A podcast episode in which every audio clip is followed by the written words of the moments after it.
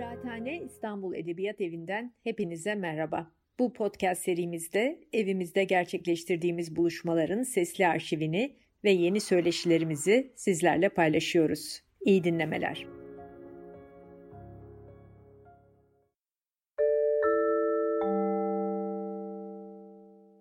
Efendim yeniden merhabalar. İstanbul Edebiyat Evi'nde gerçekleştirmekte olduğumuz Tarihi Ahval, Ahvali Tarih programımızın üçüncü ve şimdilik son bölümüyle yeniden sizlerle birlikteyiz. Ümit Kurt'la konuşmaya devam ediyoruz. Aslında başlığımızı kadri kıymeti bilinmeyen, yeteri kadar anlaşılmamış tarihçiler olarak belirlemiştik. Ama son gün dedik ki konuyu bu kadar özel bir noktadan biraz daha genel bir seviyeye çekelim. Hem biraz daha tartışmalı olsun hem biraz daha geniş kapsamda inceleyelim.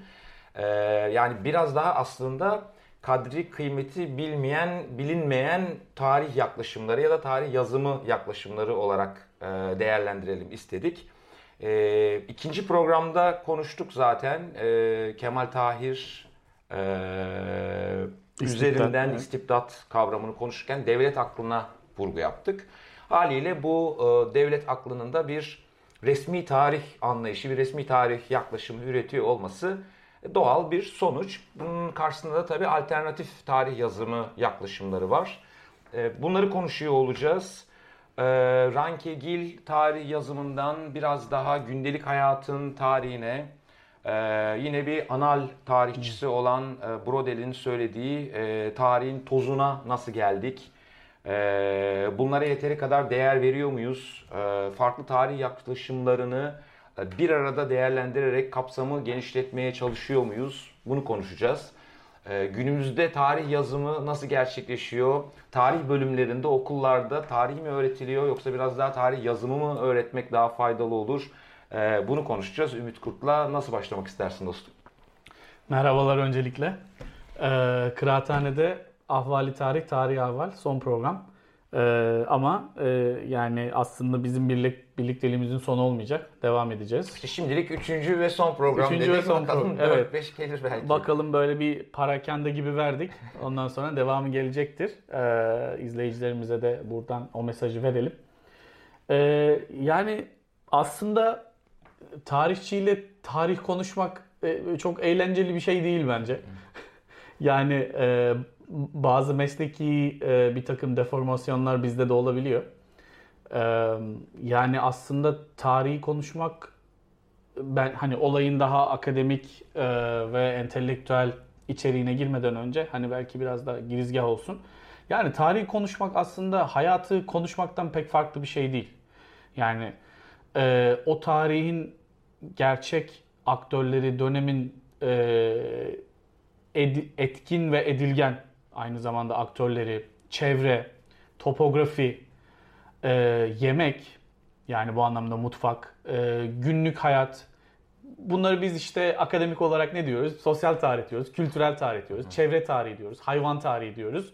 Ve bu tabi Anal School'un başlattığı kanaldan ilerliyoruz e, bu anlamda. Dolayısıyla aslında yani daha topyekün bir perspektiften baktığımızda tarihi konuşmak demek aslında e, insan hikayeleri, binaların, mekanların hikayeleri, o dönemin ruhu, o dönemin kendi e, e, e, e, tarihi, karakteri, kişiliği aslında bu anlamda ruhu, rengi. Ki bunları edebiyat eserleri üzerinden de takip edebiliyoruz. İkinci programda yapmaya çalıştığımız da oydu aslında. Evet, yani evet. bunu örneklemeye de çalıştık. Evet, biraz tarihi aslında e, daha e, nasıl söyleyeyim?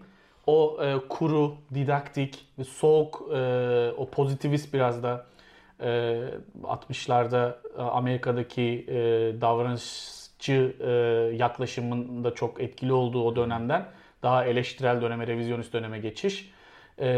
Biraz daha tarihi aslında okunabilir, ilgi çekici kılabilir hale getiriyor. Bu tamamen tarihin ne diyoruz biz mesela olaylar, kişiler, yer, zaman aslında gerçekten budur. Doğru belli bir kipte, belli bir zaman diliminde gerçekleşen e, insanların ve onların etrafındaki çevresel, dışsal bir, ta- bir takım de- bağımlı bağımsız değişkenlerin de bir arada olduğu aslında sıralı sıralı epizotlar, bir kronoloji e, üzerinden giden. Ama aslında bunlar hikayeler. Yani o anlamda e, Halil Nalcın rahmetli Halil İnalcı'nın e, tarihçilerin e, Seyit Kutbu olarak bilinen Halil İnalcı'nın da e, her zaman söylediği bir şeydir. Yani iyi bir tarihçi aslında iyi bir hikaye anlatıcısıdır. Bu yine başka bir e, yakın dönemde kaybettiğimiz Amerikalı bir tarihçi Hayden White. Benim tarihsel yaklaşımını e, ve bakış açısını çok beğendiğim, aynı dönemleri ve aynı konuları çalışmasak bile yani tarihe metodolojik olarak yaklaşımını çok benimsediğim bir tarihçi. O da yine tarihçiliği bir hikaye anlatıcılığından farklı değerlendirmiyor. E tabi her hikaye anlatıcının da seçtiği hikayeler var. Unuttuğu hikayeler var. Unutturmak istediği, hatırlatmak istemediği ya da istediği hikayeler var. Dolayısıyla aslında bu anlamda e, tarihe nesnel yaklaşmak, tarihe objektif bir şekilde yaklaşmak gibi uzun klişe cümlelerle başlayan şeyler aslında tarihi e, e, tarihin kendisi değil. Tarih böyle akmıyor. Çünkü Tabii. hayat böyle akmıyor. Ya bu yaklaşım gibi. yani e, nispeten yeni bir yaklaşım tabii. O bahsettiğimiz Rankegil tarih dediğimiz Leopold von Ranke'nin Evet. yaklaşımı o büyük liderlerin, önderlerin, Evet. büyük savaşların, devletlerin Aktörlerin, tarihi evet. üzerinden ele alınan bir tarih yazımıydı. Bunu belki e, tekrar söylemeye gerek yok ama biz yine altını çiziyor olalım, vurguluyor olalım. E, yani tarih yazıcılığının vakanüvistik olmadığını artık biliyoruz. Kesinlikle. Yani bir kronolojistlik değil, Evet, evet. sadece bir e, olaylar silsilesinin kaydı tutulmuyor. E, tarihçilerin de senin de gayet güzel ifade ettiğin gibi e, birer anlatı yarattığı, birer narratif yarattığını biliyoruz. Bu tabii ki sübjektif bir şekilde gerçekleşiyor, bireysel. Seçtiğin olaylar ve haliyle dışarıda bıraktığın olaylar var. Burada zaten tarihçilerin artık belli bir dönemden sonra, sen de zikrettin, anal döneminden sonra e, 1900'lü yılların artık başları, e, 50'lere henüz gelmeden Evet, o oradaki yaklaşımda bu sübjektifliği zaten Evet. tek kabul edilebilir ve tek Evet. var olan objektiflik olarak ele alınıyor. Orada bir e, noktanın daha altını çizdin. Onu sormak istiyorum. Bir tweetinde de çünkü vardı o tarihçi kimdir diye. Şimdi o ana grubuna baktığımızda Brodel'lere, Le Goff'lara, Lefebvre'lere. Duby. Şimdi burada Duby'ye, George Duby'ye baktığımızda burada bir coğrafyacıların, Tabii. e, tabii ki tarihçilerin, sosyologların, siyaset bilimcilerin içinde bulunduğu bir e, tarih yazıcıları ekibi olduğunu görüyoruz. Şimdi e, o attığın tweette de soruyordun hani tarihçi kimdir? Şimdi bir coğrafyacı da aslında bir tarihçi midir? Evet. Yani bir tarih yazımı işine girişebilmek için historiografya Ya da bir dil bilimci. için evet Çok yani, Noam Chomsky tabii ki, örneği var tabii ki. mesela. Girişebilmek için yani illa tarihçi mi olmak lazım? Yani tarihi sadece tarihçiler mi yazar? Yoksa bir coğrafyacı, bir dil bilimci de tarihi yazar mı, yazabilir mi, yazmalı mı? Evet. Ya aslında e, bunlar hakikaten kapsamı çok geniş e, sorular. Üzerine e, oldukça bence düşünmemiz gerekiyor, tartışmamız, konuşmamız gerekiyor. Yani e, tarihi hem bir ontoloji, tarihin bir disiplin olarak, bilimsel bir disiplin olarak yani yanlışlanabilir bir disiplin olarak ontolojisi, epistemolojisi, yöntemleri üzerine e, düşünmemizi sağlayacak önemli sorular bunlar. E, oraya geçmeden önce e, senin zikrettiğin önemli bir nokta vardı. Bu e, vakanu, vakanovistlik. Evet. E, şunun da altını çizmek istiyorum. Yani e, bu da bir e, tarihi yazma biçimidir. Hani biz bunu e, böyle küçümsemiyoruz, aşağılamıyoruz. Yo, yo, tabii ben ya da pejor tabii Tabii. biliyorum senin o anlamda söylemediğini ya da pejoratif bir şey yok. Ha, Şöyle bir şunu söylemek istiyorum. Buna da ihtiyacımız var. Yani tarihçilerin bir e, kronolojiye olmazsa olmazıdır. Yani tarih e, bir, tar- bir bir tarihçinin elindeki en önemli araçlardan bir tanesi. Aslında vakanüvislik vakanüvislik de e, hakim olduğu paradigmatik olarak hakim olduğu e, dönemde çok iş gördü bu anlamda. Hani e, ancak salt vakanüvisliğe dayalı olayları salt vakanüvist bir e, yöntemle ya da bakış açısıyla anlatmak tarihte bizi çok bir yere götürmüyor. Olayları anlamak, farklı boyutların cephelerini görmek adına. Ama bunun da e, tarih metodolojisi ve tarihçilik açısından e, özellikle belli bir döneme kadar çok iş gördüğünü söyleyelim. Ta, e, yani tarihçi kime denir? Senin sorduğun yine dediğim gibi önemli e, aslında felsefik de sorular bunlar ve e, sadece tarihçilerin cevapladığı sorular değil bu arada. Yani e, siyasi düşünce tarihi üzerine çalışan, siyaset felsefesi üzerine çalışan e, entelektüellerin de e, üzerine düşündüğü sorulardan bir tanesi. Onların da kendi çalışmalarında bakış açılarını oluştururken e, mutlaka faydalandıkları ve e, dayandıkları noktalardan bir tanesi tarihin kendisi. Ben şeye burada referans vereceğim biraz. E, şeyde bir dergi çıkarıyorduk e, bunu birkaç yıl önce Modus Operandi diye e, ilişkisel sosyal bilimler dergisi. İsmini hala söyledikçe biraz komik geliyor. e, derginin ilk sayısı için e, Cemal Kafadar'la, sevgili Cemal Kafadar'la bir söyleşi yapmıştık. E, yine e, tarihçilik üzerine nedir, ne değildir, e, böyle çok genel soruların olduğu tabii hocayla uzun uzun konuştuğumuz Yeniköy'de e, çok güzel bir nehir söyleşisi tadındaydı. Hocayı dinlemeye doyamadık zaten. E, benim orada söylediği e, birkaç cümle böyle mıh gibi e, e, çakılı kaldı zihnimde. Hala öyle de devam ediyor ve benim aslında o dönem doktora e, araştırma aşamasındaydım. E, yeni palazlanmaya başlayan bir tarihçi olarak. Hep onu kendime şiar edindim o söyledi. O da şuydu yani bu bir zanaattır. Yani bu bir meslektir. Yani tıpkı bunun da bir ahili olan, loncası olan hani e, o anlamda bir meslek. Yani bir zanaat aslında meslekte dememek lazım belki. Hani e, şey demişti hoca yani tarihçinin bir marangozdan aslında bir farkı yoktur. E, bunu önce e, e, bu şekilde görmek lazım bence. Yani bu bir bu bir meslek, bu bir zanaat. E, ve bu zanaatın her zanaatte olduğu gibi e, yap bu bu zanaatı uygulamanız için gerekli olan bir takım araçlar, gereçler, bir müktesebat, e, bunun yöntemleri e, aslında her sosyal bilimler, pozitif ve doğal bilimlerde olduğu gibi aslında bu böyledir. Yani bunun belli araçları, yöntemleri var. Ancak şunu söyleyebilirim. Hani e, tarihçi kimdir'in e, belki milyon tane cev- e, cevabı vardır. Tek bir cevabı olmadığı gibi. Aslında bu da tarihin kendisidir. Yani tarihte de tek bir doğru yoktur.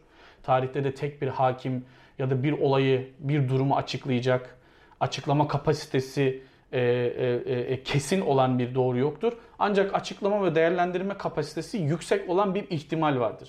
Yani bu e, aslında yine önemli tarihçilerimizden Ethem Eldem'in de e, çok vurguladığı bir şey. Yine benim bu mesleği icra ederken şiar edindiğim başka prensiplerden bir, bir diğer prensip. Yani tarihçi olarak e, çalıştığınız olay, durum, eylem, kişi ya da her neyse ve dönem her neyse aradığınız sorunun cevabı ulaşabileceğiniz en yüksek bir ihtimaldir. Dolayısıyla hani tarihte mutlak bir kesinlik, mutlak bir gerçeklik aramak aslında hem beyhude bir çaba, hem tarihi çok sıkıcı kılan bir çaba, hem de tarihi aslında tarihsizleştiren bir aynı zamanda uğraş bu anlamda. Ee, belki e, yani mesleğin daha başında olan biri, biri olarak hani bu prensipler üzerinden tırnak içinde iş yapmaya çalışan biri olarak bu tür e, kafamda fikirler var. Hı hı. Bu söylediklerin Aynen. tabi teoride çoğu zaman mümkün olsa da pratikte öyle olmuyor. Öyle tahmin ediyorum. Tabii. Yani her şartta, her e, siyasal düzende, farklı siyasal düzenlerde e, bir tarihçinin istediği şeyi çalışması çok da kolay olmuyor. Burada nasıl bir aslında e, habitat var onu merak ediyorum. Yani Ya mesela yine e, e hani e, anal e, okulundan girip şey sormuştun. Hani tarihçi, e, coğrafyacı, coğrafya, evet. e, onun dışında diğer interdisipliner bir takım başka e, alanlarda çalışan e, kişiler tar- tarihçi olabilir mi? Yani aslında bunun çok güzel örnekleri var. Mesela David Harvey yani bir coğrafyacı baktığın zaman formasyonu.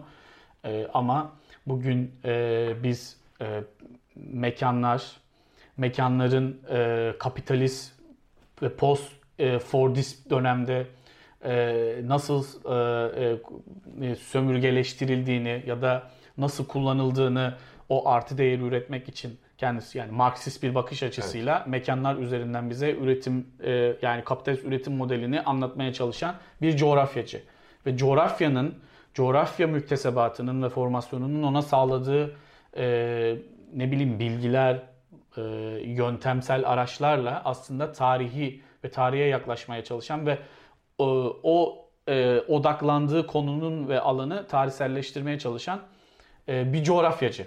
baktığınızda. Çekirdekten coğrafyacı ama bakış açısı tamamen tarihsel ve tarih yaptığı aslında zanaat tarihçilik bu anlamda. Yine ne bileyim Noam Chomsky'nin andık. O da dil bilimci ama dediğim gibi onun bakış açısı da ve kullandığı yöntem de e, biz tarihçilerin aslında e, kullandığı yöntemler. Foucault'u da buna dahil edebiliriz tabii ki. Arendt'i de buna dahil edebiliriz Bu bence. Türkiye'den de örnekler vermek mümkün. Buna Şerif Kesinlikle, Mardin Hoca, Şerif rahmetli, e, Sabri Ülgener. Aynen. Yani iktisatçı, iktisat Boran. tarihi yapıyor diye bakılıyor ama aslında senin söylediğin gibi tarihsel Evet. yöntemi kullanıyor. Ve belki de e, Anal Okulu'nun Türkiye'deki ilk temsilcisi eğer ben yanlış bilmiyorsam. O biraz arada tabii bir Werner Sombart var. Werner Sombart'ın Evet. etkisi, etkisi büyük Sabri Ülgener üzerinde. Ama sonrasında da ya bu zihniyetler tarihi açısından veya zihniyet çalışmak açısından bir e, bir kopuş var gibi. Belki e, bugün Etienne Mahçupyan ama o da işin biraz daha teorik yönünde. Daha hala Evet. daha Türkiye'ye sağ olsun zihniyetin ne olduğunu anlatmaya çalışır gibi. Yani daha zihniyet tarihine bakmaktan ziyade Evet. işin biraz daha teorik tarafında ama tabii ki çok kıymetli. Evet evet. Ee, Başka yani bu- isimler de Bu sayabiliriz. kopuşlar e, niye oluyor bir yandan da?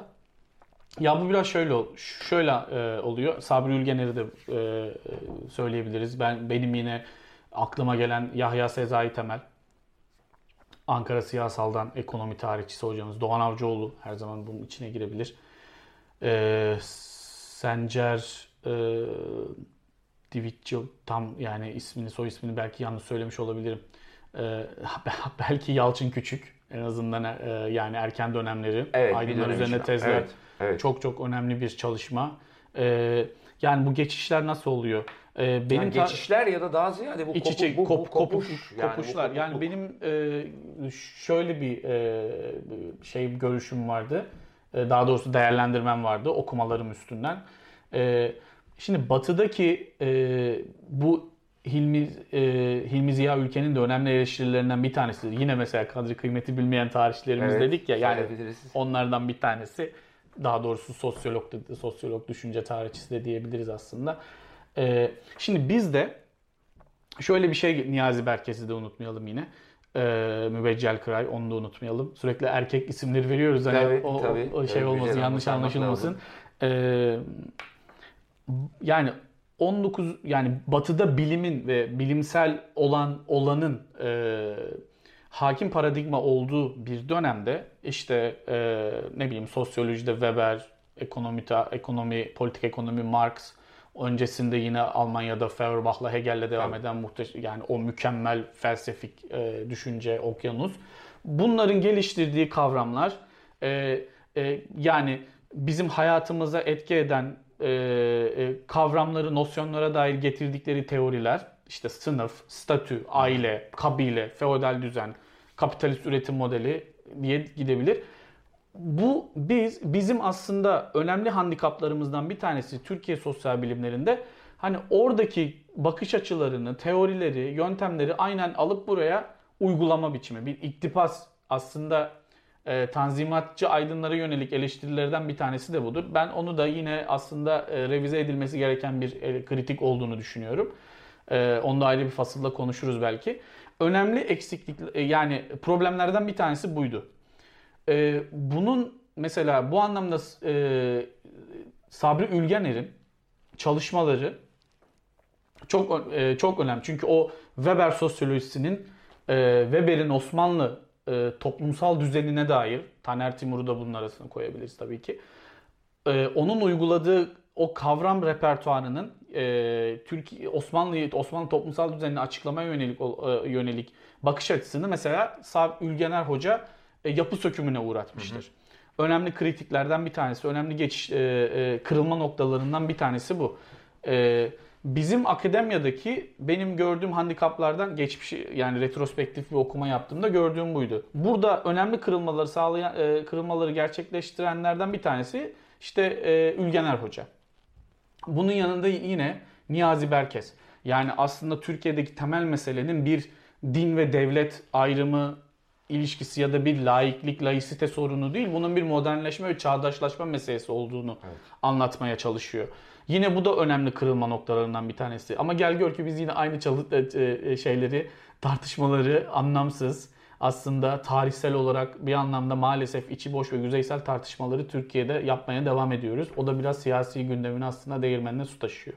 Ama gerçekten kavramları kavramların tarihsel olarak hangi bağlamda e, e hangi bağlama oturduğunu ve neye tekabül ettiğini ya anlamaya çalışmıyoruz. Bir noktada yani aslında onların hangi tarihsel dönemin ürünü olduğunu, hangi tarihsel döneme aslında referans yaptığını, atıf yaptığını veya yani göremiyor muyuz aslında o dönemle bu dönem daha yakından baktığımız dönem arasındaki farklılıkları?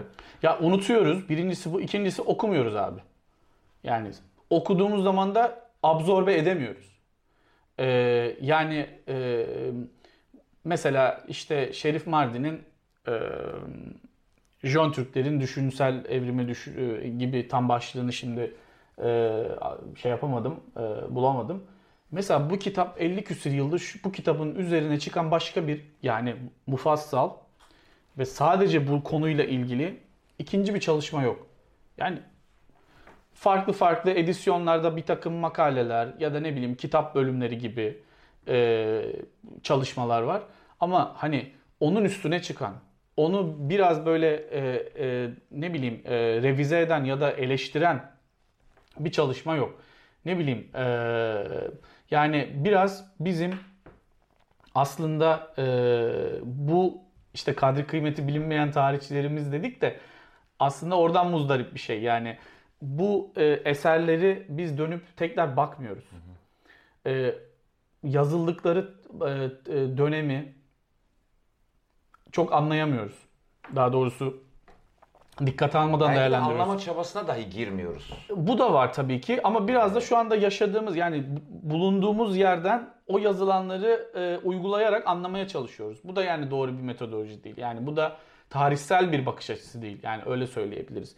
Biraz e, bu anlamda ben aslında bu tür klasiklere e, bu türden yazıldığı dönemde önemli paradigmatik değişik değişimler, şifler e, gerçekleştiren bu metinlerin aslında tekrar okunması gerektiğini, e, üzerine düşünülmesi ve tartışılması gerektiğini düşünüyorum. Yani on, tabii ki o metinler bugün çok önemli eleştirilere, e, yapısal eleştirilere, onun dışında yani revizde edilmesi gereken yerler vardır. Ama bence önemli referanslar, önemli e, yani toplumsal olarak bizim e, Türkiye Osmanlı Türkiye toplumunu, sosyolojisini anlamak adına temel metinler, önemli referans kaynakları olduğunu düşünüyorum. Bunlar okutuluyor mu okullarda? Ya bunlar okutuluyor mu? Ya da bir şekilde yani bunların varlığından haberdar ediliyor mu genç tarihçiler diyelim ya da tarihçi namzetleri? Yani e, bir bir sos, sosyoloji okuyan, tarih okuyan ya da siyaset bilimi gibi disiplinlerde okuya, okuyanların mutlaka yani bir Niyazi Berkes'ten, bir Şerif Mardin'den e, kesinlikle haberleri vardır. E, belki Sabri Ülgener, Hilmi Ziya Ülgen bunlar biraz daha e, kıyıda o, kıyıda köşede durabilir onlar açısından ama en azından hani bu e, iki e, Türkiye'de çağdaşlaşma çok önemli bir Tabii. kitap. E, Hak'ta yeni baskısı e, yakın zamanda yapıldı Yapı Kredi yayınlarından. Ahmet Kuyaş hocamız da bir ön söz yazmıştı yanlış hatırlamıyorsam. E, bu yani aslında şöyle söyleyeyim. Ben şimdi Orta Doğu Teknik Üniversitesi mezunuyum. Siyaset bilimi mezunuyum. Orada İngilizceydi bizim derslerimiz. Yani ben bu metinlerin hiçbirini orada okumadım. Benim e, okuma listeme girmedi bunlar. Hı hı. Örneğin. Yani bunu rahatlıkla söyleyebilirim. Eee yani e, ş, ne bileyim. Ya bir... bunu ben de çünkü benzer bir şekilde deneyimlediğim için e, sorma ihtiyacı ha, sen de aynı gö- sen e, de aynı şimdi uluslararası ilişkiler mezunuyum. Dördüncü sınıfta Ali Bayramoğlu hoca olmasaydı haberim ne olmayacaktı diyorsun. haberdar olacaktık, ne Sabri Ülgener'den haberdar evet. olacaktık, ne zihniyetler tarihi diye bir şeyin bir e, külliyatın varlığından haberdar olacaktık. Yani sonra hadi tabii doktora vesaire de yani onun, onun üzerine koyarak yani koymaya çalışarak daha doğrusu yani o bakış açısıyla bir şeyler yaptım ama yani o karşılaşmayı sağlayan, o tanışmayı sağlayan yani e, bu böyle e, bir bireyin e, lütfuna mı tırnak içinde kalmış vaziyette? Yani hmm. bu niye sistematik bir şekilde ele alınmıyor? Ve ben bir yandan da bunu da anlamak istiyorum. Yani bunu sadece Türkiye akademisinin işte e, ne dersek diyelim yani zayıflığı veya işte fakirliği mi diyelim ne diyelim ona bağlamak herhalde çok kolaycılık olacak. Ya bu biraz bizim e, Türkiye'deki e, siyah yani geldiğimiz şu an yani geldiğimiz noktada Türkiye'deki entelektüel çölleşmeyle de ilgili bir şey biraz da. Bunun akademiye yansımaları muazzam. Yani olumsuz anlamda muazzam. Tabii. E tabi biliyorsun e, bir e, akademis KHK ile yani siyasi olarak e, ifade özgürlüklerini kullanıp bir dilekçe imzaladılar diye e, işlerinden olan binlerce akademisyen arkadaşımız bir KHK'larla bir gecede işlerinden oldular. Bu da önemli yani bu çölleşmenin e, önemli e, çarpan etkisi yaratan bir olaydı bu. Bunun da çok etkisi olduğunu düşünüyorum.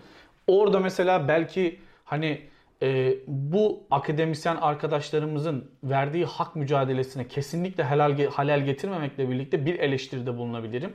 Bu arkadaş bu yani burada biraz da şey oldu. E, bunun tabii moral ve motivasyon açısından bu arkadaşlarımızın yaşadıkları çok anlaşılır ve çok meşru. Ama bir şeyler o taraftan da üretilmemeye başlandı. Hani bu olumsuz havanın e, ben biraz da o e, grubun içinde bir akademik üretkenliğe dönüşmesini de beklerdim. Ama bu, bu ama bunun e, bu beklentimin boşa çıkmasını da tamamen anlıyorum. Yani burada bir eleştiri getirmiyorum kesinlikle. Ama bu da bir durum, bu da bir vaka olarak karşımızda Tabii. duruyor. Hani bu biraz bizim ya şöyle düşün. E, bundan 6-7 sene önce, belki de 10 sene önce NTV'de e, Oğuz Haksever Arka Oda, e, Tarihin Arka Odası program vardı. Ya da ne bileyim Şerif Mardin, Gündüz Vassaf ve Murat Belge'nin 3 ve Şerif, e, üç, Şerif Mardin'in üçünün bir olduğu her hafta e, inanılmaz caz tarihi, Türkiye'de Yeniçeriler, e, Türkiye'de sınıfların tarihi, Türkiye'de işte e, kapitalizm nasıl gelişti. Bunun üzerine yüksek düzeyde entelektüel ve akademik tartışmaların olduğu bir dönemdi. Ama şimdi bunların esamesi bile okunmuyor. Bir tanesi zaten rahmetli oldu e, e, diğer yani bu programların yayınlandığı kanal saçma sapan bir şeye dönüştü. E, e, e, yani bu bizi bir yandan da şuraya mı getiriyor acaba? Ee, yani tabii ki bir e, ideolojik baskıdan, bir ideolojik durumdan bahsedebiliriz ama bir yandan da e, bu e, sahaya baktığımızda, hadi bu sefer de biraz e, Bourdieu terimlerinden faydalanalım. Hmm. Sahaya baktığımızda bir yandan da bu işlerin, bu tür işlerin işte yayın evleri, hı hı. televizyonlar, e, radyolar gibi bir takım böyle e, aracılar üzerinden de döndüğünü fark ediyoruz. Gene sen de gayet iyi biliyorsun. E, senin maalesef kitapların da bunun içinde. E, çok yakın zamanda e, saygın diyebileceğimiz ya da en azından bu olaya kadar saygın olduğunu varsaydığımız e, bir yayın evi belli konularda çalışan yazarlarının kitaplarını, yeni kitaplarını basmama kararı aldı. Basmamayı tercih etti. Şimdi evet. bu bu agency de aslında burada ne kadar önemli rol oynuyor. Yine o senin verdiğin televizyon kanalı örneği üzerinden de bunu görüyoruz. Evet, e, bu da yine e, Türkiye'deki düşünsel ve entelektüel e, yani Türkiye'nin düşünsel ve entelektüel geldiğimiz noktada Serencam'ın e, sonuç yani onlar onların sonuçlarından bir tanesi. Ya bu tamamen zamanın ruhuyla ilgili bir şey. Yine dönüp dolaşıp o yani e, zamanın ruhu ve o zamanın ruhunun içinde hareket eden o tarihin tozları. Şu anda o tarihin tozları havada uçuşuyor. E, ve zamanın ruhu maalesef e, yayın evi, televizyon kanalı, dergiler, başka başka mecralarda ak, farklı disiplinlerden gelen akademisyenlerin e, yarattıkları şeyleri yayınladığı mecralar e, bunlar da tabi bu zamanın ruhundan e, olumsuz etkilenip e, hakta bir çeşit e, yani e, e, e, self refleksiyon geliştirip bu kararları almaya başladılar. Yani bence asıl yani e, tehlikeli olan şey bu. Hani bunun bir e, insiyaki bir şeye dönüşmesi, evet. kendiliğinden bir reflekse dönüşmesi. E, şöyle söyleyeyim yani siz e, yayın evi ismi verme, vermek istemiyorum. Siz faşizm ya da otoriteryenizmle ilgili bir seçki hazırlıyorsunuz ama içinde Türkiye örneği yok. Yani geldiğimiz nokta e, yani entelektüel çölleşmeden bahsettiğim işte sen bunun e, ideolojik baskı e, ama bu bah- sadece işte söylüyorum bu sadece bence basit bir e, otosansürle açıklanabilecek bir şey değil. Yani bu e, mevcut durum içinde e, kendini bana göre yeniden konumlandırma çabası. Tabii şimdi kimilerine çok dışarıdan bakıyoruz işte e, farklı bir yerde kendimizi konumlandırıyormuşuz gibi gelebilir ama yani bu tür kurumların sonuçta ben bir takım sorumluluk en azından kendilerinde e, varsaymaları gerektiğine inanıyorum. Yani çünkü siz burada bu kadar önemli insanların bu kadar uzun süredir belirli konular üzerine kafa patlatmış, e, çaba harcamış insanların aslında bir anda şimdiye kadar yaptıklarını da e, gözden düşürüyor oluyorsunuz. Ya aslında bu biraz e, doğru tabii ki ve biraz da şöyle dayanışma kanalı zaten çok darlaşan ve kısıtlı hale gelen dayanışma kanallarını da aslında kapatmış oluyorsunuz maalesef. E, burada şunu söylemek istiyorum yoksa bu benim içimde uhde kalacak. E, yayın evleri akademik kitaplar basan en azından yayın evleri için söylüyorum. Gerçi bu başka yazarlar için de söylenebilir onların eserleri için de. Ya yayın evleri şu yaklaşımda olmasın lütfen. O da şu. Yani ben bir yazar olarak e, ben size en değerli varlığımı veriyorum. Yani emeğim. Ya benim başka hani yaratabileceğim, üretebileceğim, e, hani değer koyabileceğim bu, e, bu bu hayatta, bu alan alanda, bu bo- bu boşlukta hatta başka bir şey yok. Dolayısıyla hani e, sanki yayın evleri senin, benim ya da başka arkadaşlarımızın kitaplarını bastığında bu bir lütuf gibi. Hayır böyle bir lütuf, bir himmet değil bu. Yani ben aslında yazar arkadaşlarımın da e, e, e, bu şekilde aslında düşünmesi yönünde bir davet daha açık bir davet de olabilir bu. Hani e, yani sonuçta o yayın evleri senin benim e, kitaplarımızı basarak var oluyor. Ve o kitaplar basılmaya değer görüldüğü için yayınlanıyor. Ama hani bir de şöyle bir şey var. Bu yayın evlerindeki e, bu yayın kurulu meselesi. Bunlar hani hakikaten artık tartışılmaz yani bunları oturup masaya yatırmamız lazım. Yani e, nasıl bir öyle bir yayın kurulu düşün ki e, bütün disiplinlerle ilgili sosyoloji, tarih, felsefe ne varsa hepsiyle ilgili bir fikir sahibi ve o çalışmanın e, e, yayınlanıp yayınlanmayacağıyla ilgili e, otor, otoriter bir e, yani otorite gibi bir pozisyondaki karar veriyor. Yani e, bunu mekanizmanın işleyiş, işleyişi açısından e, bir biçimde anlamakla birlikte hani e, bu biraz da hani kıymığı batırmak istiyorum orada. Ben siz bana lütuf yapmıyorsunuz. Yani ben sizin himmetinize kalmadım hani hani şey şunu gibi. söyleyeyim dünyanın Onu pek çok farklı istiyorum. yerinde tam ters bir hiyerarşi vardır onu söyleyeyim. Yani pa- Fransa'da böyle kitap basılmıyor herhalde. evet. Ya da e, ne bileyim Amerika Birleşik Devletleri'nde de işte hasbelkader ben, ben kitap yayınladım. Editörle olan ilişkim son derece simetrikti. En azından bunu sö- bunu söylemek istedim. En azından benim bir iradem, bir söz hakkım, bir manevra alanım bana vardı yani. Yani şunu söylemek istiyorum. Hani e, bu ilişki bu kadar asimetrik olmamalı.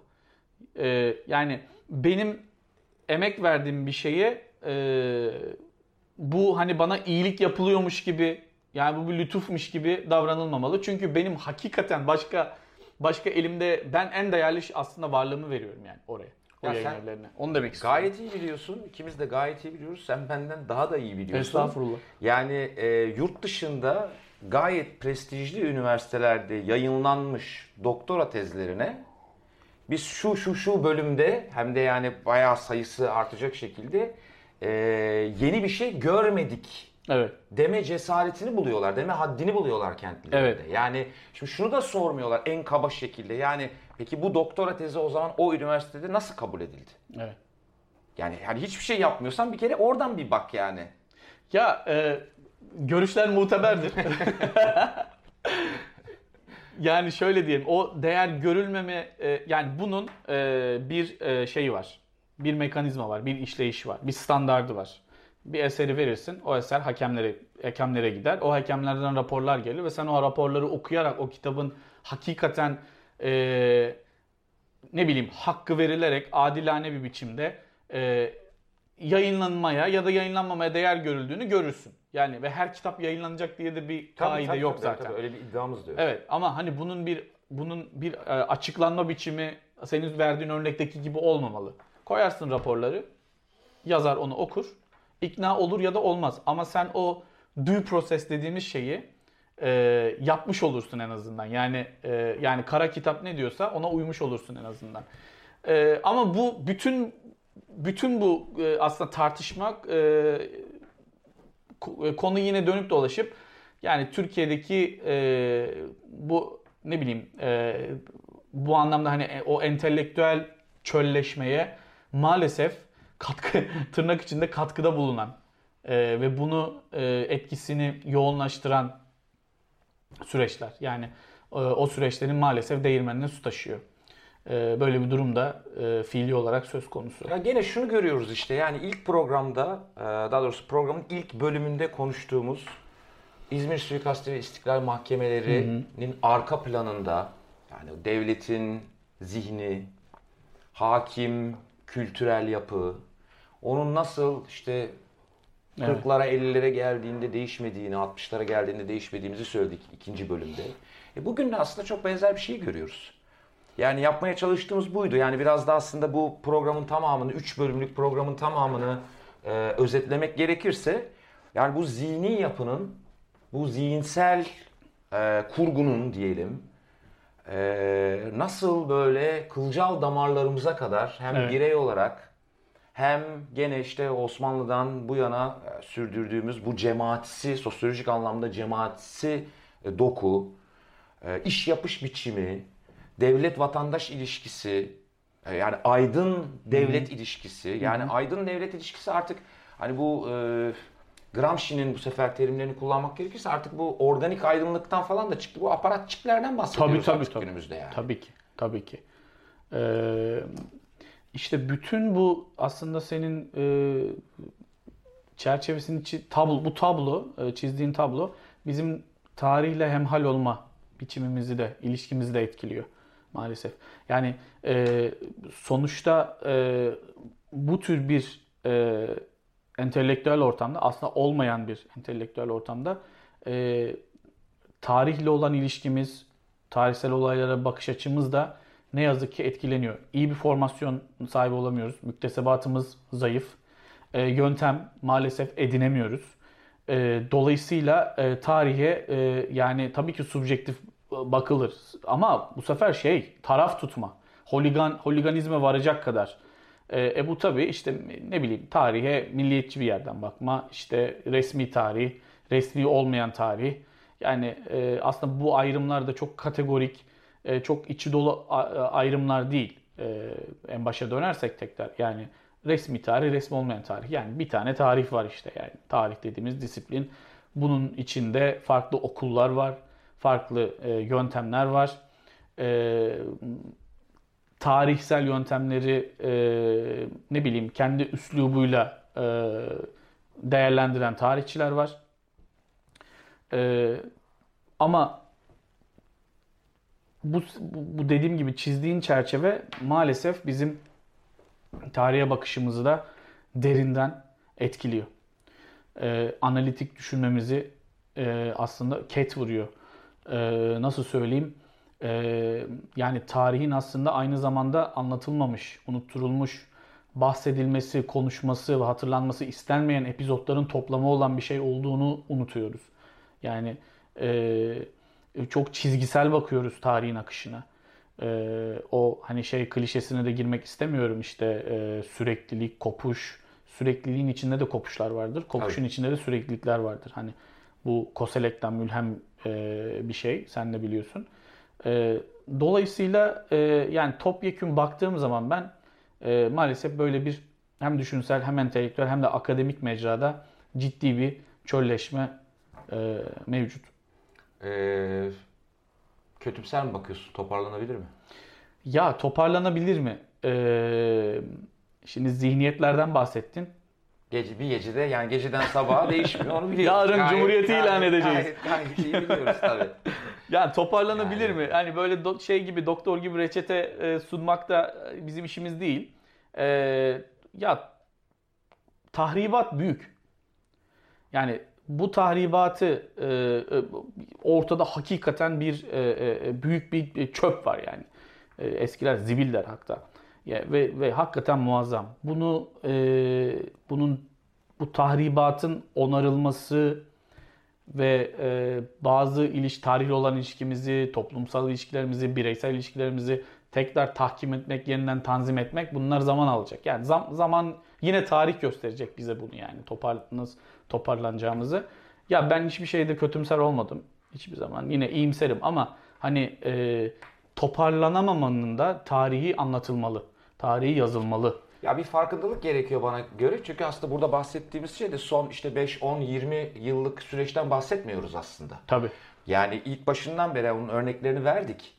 Yani ilk başından beri Osmanlı'dan Cumhuriyet'e geçiş, Cumhuriyet'ten bu yıllara, içinde bulunduğumuz yıllara kadar geliş sürecinde aslında sürekli devam eden bir yaklaşımdan bahsediyoruz. Evet.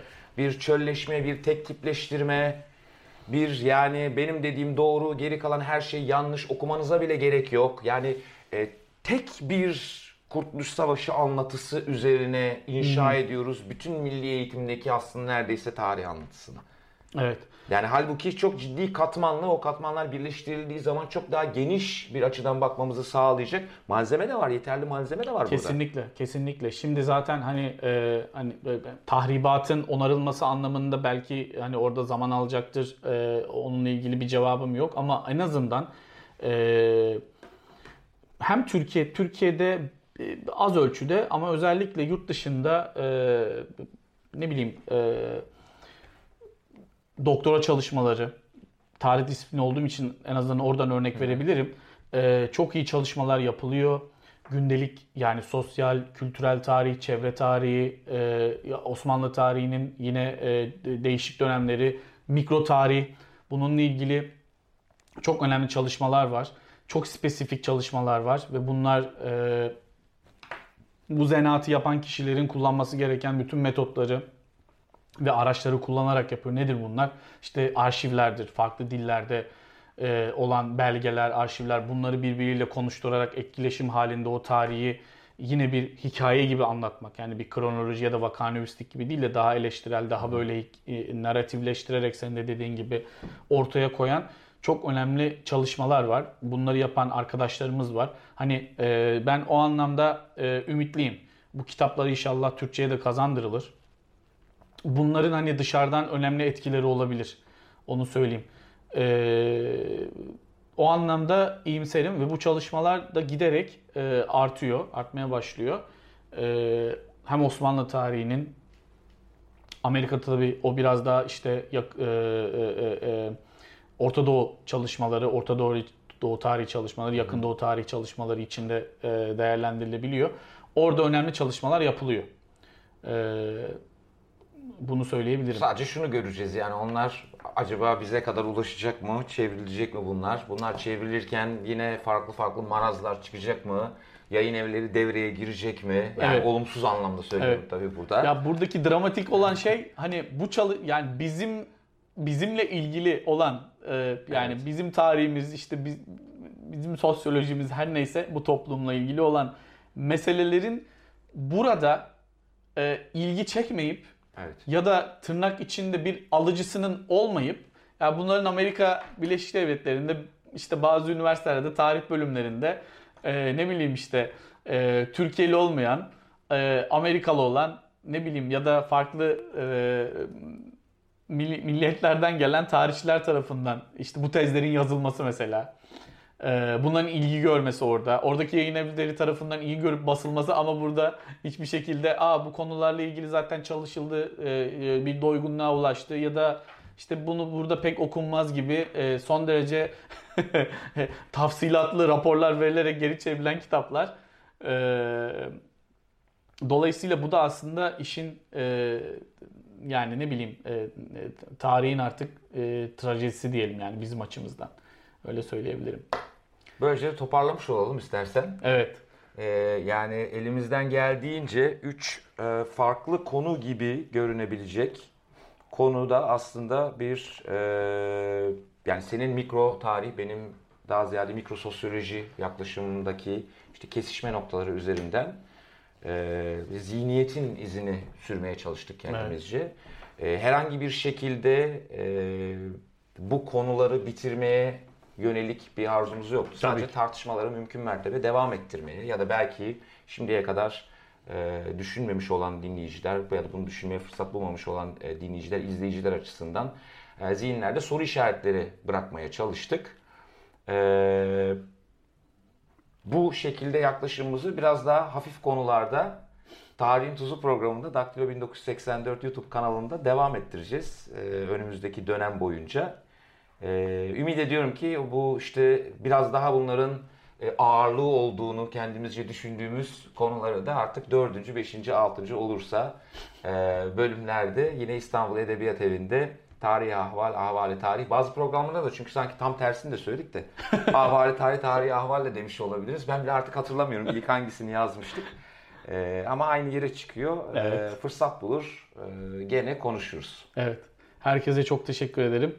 Ee, inşallah tekrar görüşeceğiz. Görüşmek üzere. Görüşmek üzere.